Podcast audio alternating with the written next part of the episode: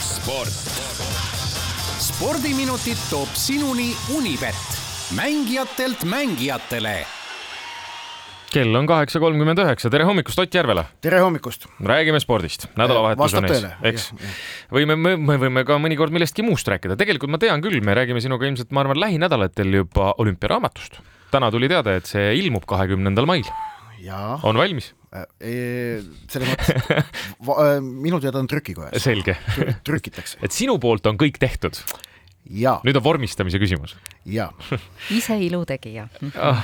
aga tuleme selle nädala, alustame jalgpalli, jalgpalliga, sellepärast et meistrite liiga finaalpaar on sel nädalal selgunud. korduskohtumised toimusid teisipäeval ja kolmapäeval, teisipäeval sai siis edasi Liverpool ja kolmapäeval ka samamoodi dramaatilises mängus Real Madrid no dramaatiline on selle kolmapäevase mängu kohta ikka väga vähe öeldud, et see, see oli, see oli täiesti pöörane ju. see on täiesti, see oli kogu see võistluspaar, mitte ainult see korduskohtumine, vaid võta see esimene kohtumine mm, -hmm. mis lõppes neli-kolm ka, võta see pane juurde, see oli, see oli arulage jalgpall ja, ja see on ka noh, see, see, see on meist-, see, see oli kokkuvõttes meistrite liiga oma parimas mahlas.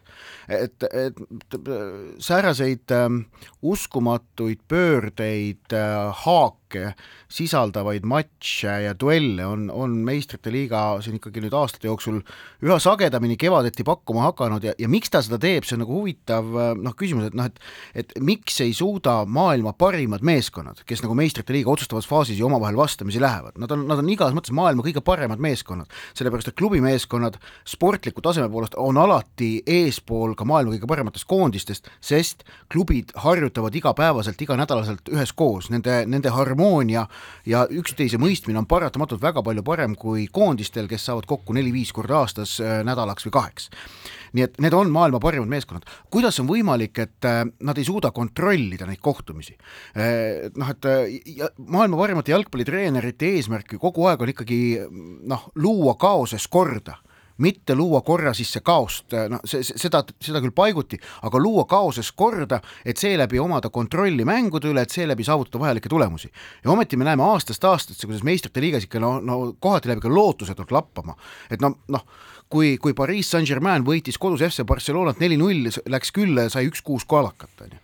või kui, kui FC Barcelona omakorda võitis kodus Liverpooli kaks tuhat üheksateist kolm-null, sõitis külla Anfieldile, kaotas null-neli ja, ja nüüd, ja nüüd siis kogu see, kuidas Manchester City läheb seitsmekümne kolmandal minutil kohe kokkuvõttes viis-kolm juhtima, kaheksakümne üheksandal minutil on seis veel ka viis-kolm nende kasuks ja siis üheksakümne viiendal minutil on seis kuus-viis Madridi Reali kasuks, sest no mul normaal lõpus on kaks tükki lisa alguses ka veel ühe otsa mm,. penalti ka veel. jah, et, et see, see, see, see on niivõrd kaunis ja, ja seda on proovitud ma maailma parimad jalgpalliajakirjanikud on seda nüüd kaks päeva proovinud siin või noh, terve eilse päeva proovinud nagu lahata ja sõnadesse panna.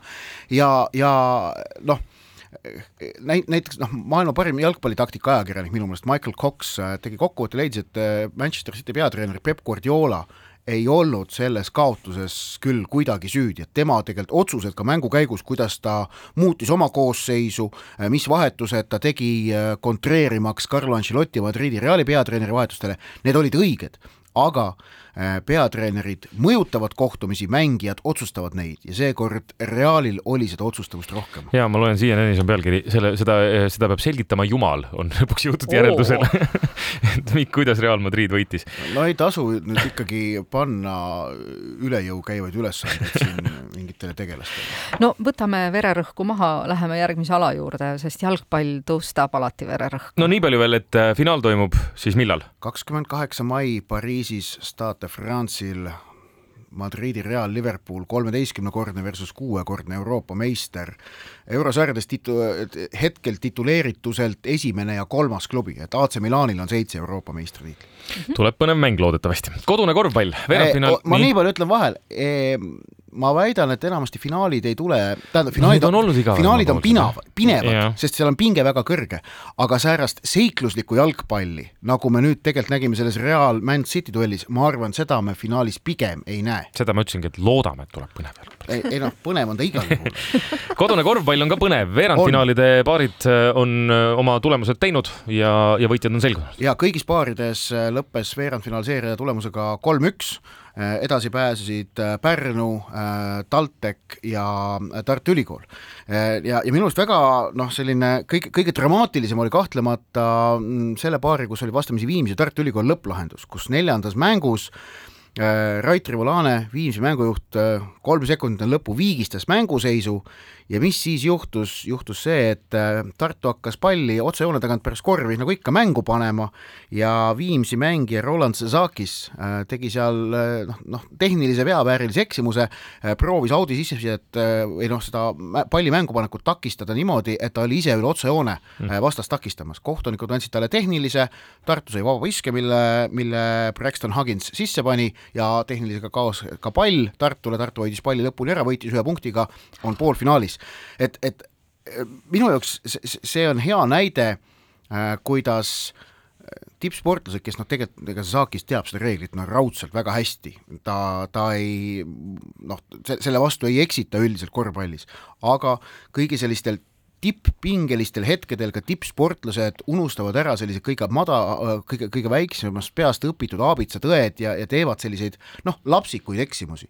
ja see võtab minu meelest tippspordi äh, olemuse väga hästi kokku, et äh,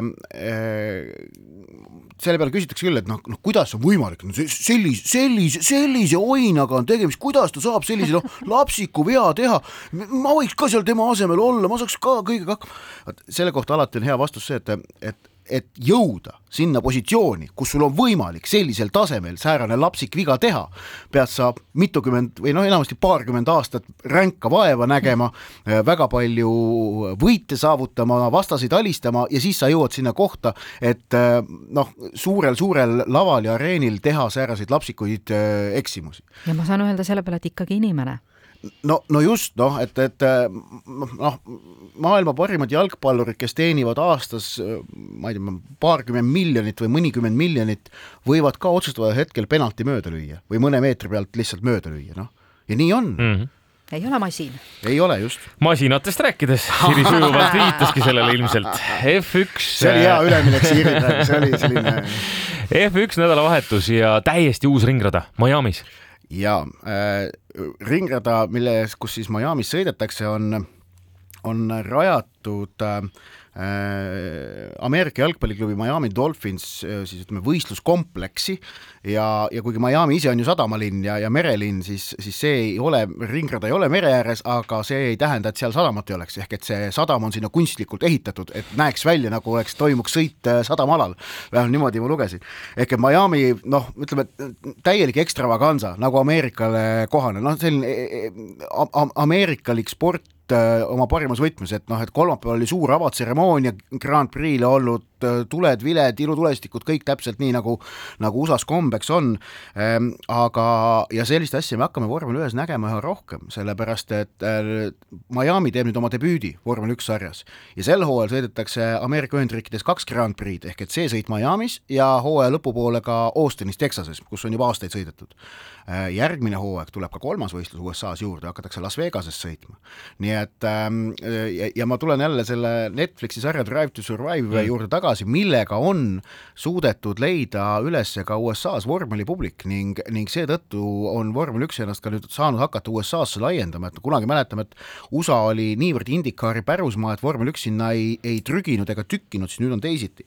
aga selle Miami Grand Prix mm, koefitsiente Unibetis vaadates, siis on ikkagi vägagi hämmastav näha seda, et noh, Lewis Hamiltoni võidušanssi hinnatakse seal noh, protsendile mm., kui sedagi mm.. Äh, et, et äh, Mercedes on ikkagi omadega Audis ja noh, Red Bulli ja Ferrari duelli eeldatakse ning nüüd on siis Max Verstappenile ikkagi antud juba soosiku roll, äh, tema võitu hindab Unibet veidikene tõenäolisemaks kui Charles Leclerc'i oma, teiste pilootide Sergio Perez ja ka, ja Carlos Sainzi šansid on siis tagapool, et, et see on nagu asjade seis vormelis ja lõpetuseks äh, asjast, mis küll toimub täpselt nädala pärast, millest me mhm. räägime järgmine reede ilmselt pikemalt, Flora Dinamo kohtumine. see on minu meelest üks väga kaunis asi, mis järgmine reede Tallinnas tuleb, et et üleeile FC Flora teada andis, et Kiievi Dinamo, Ukraina kõige kuulsam jalgpalliklubi, tuleb neile külla. Kiievi Dinamo peab praegu sellist turneed mööda Euroopat, kus nad peavad sõprusmänge, millel on kaks funktsiooni. esiteks, nad koguvad nende kohtumistega raha Ukraina toetuseks, aga teine on siis see, et Ukraina jalgpallikoondist ootavad juunikuus ees maailmameistrivõistluste sõelmängud esmalt poolfinaalmatš Šotimaaga, kui nad selle võidavad, siis finaalmatš sellises väikeses mininelikus Walesiga ja selle neliku võitja pääseb siis äh, MM-ile äh,. ja, ja Ukraina koondislasi on, on Dinamo ridades palju ja siis, äh, et nad saaksid mingit sportlikku pinget, siis kuna Ukraina meistrivõistlusi ju ei peeta mm, -hmm. need on arusaadavalt peatatud ja, ja juba ka lõppenuks kuulutatud sõja tõttu, siis, siis Dinamo saab ka sportlikku kogemust pakkuda ja, ja sellist võimalust oma mängijatele, ähm, aga ma tahaks loota, et seal järgmine reede A Le Coq Arena'l, et, et tuleb väga palju inimesi vaatama, et see, see ei ole, tähendab, ma arvan, et mõlemad võistkonnad võtavad seda väga tõsiselt. ma usun küll, et FC Flora läheb põhikoosseisuga peale ja, ja on küll sõprusmäng, seal ei ole mitte midagi vahel, aga aga Floral noh, on võimalus mängida Kiievi Dinamoga, sellise, selliseid vastaseid äh, satub siia ikkagi väga harva. Äh, noh, eelmine aasta jah, konverentsi liigas noh, Belgradi partisan ja Hent olid, aga aga, aga see on väga kõva vastane ja noh, loodetavasti tuleb ka ukrainlasi staadionile, et see on selline noh, kaunis spordisündmus, ma usun, ja, ja selline sümboolselt väga tähtis žest, et Kiievi Dinamo on minu meelest Ukraina üks äh, arvestatavamaid äh, sümboleid olnud, noh. Vot, sellised lood. järgmine nädal räägime sellest ilmselt taas, aga järgmine nädal ka kohtume Ott sinuga taas, aitäh sulle! teeme nii! sport spordiminutid toob sinuni Unibet, mängijatelt mängijatele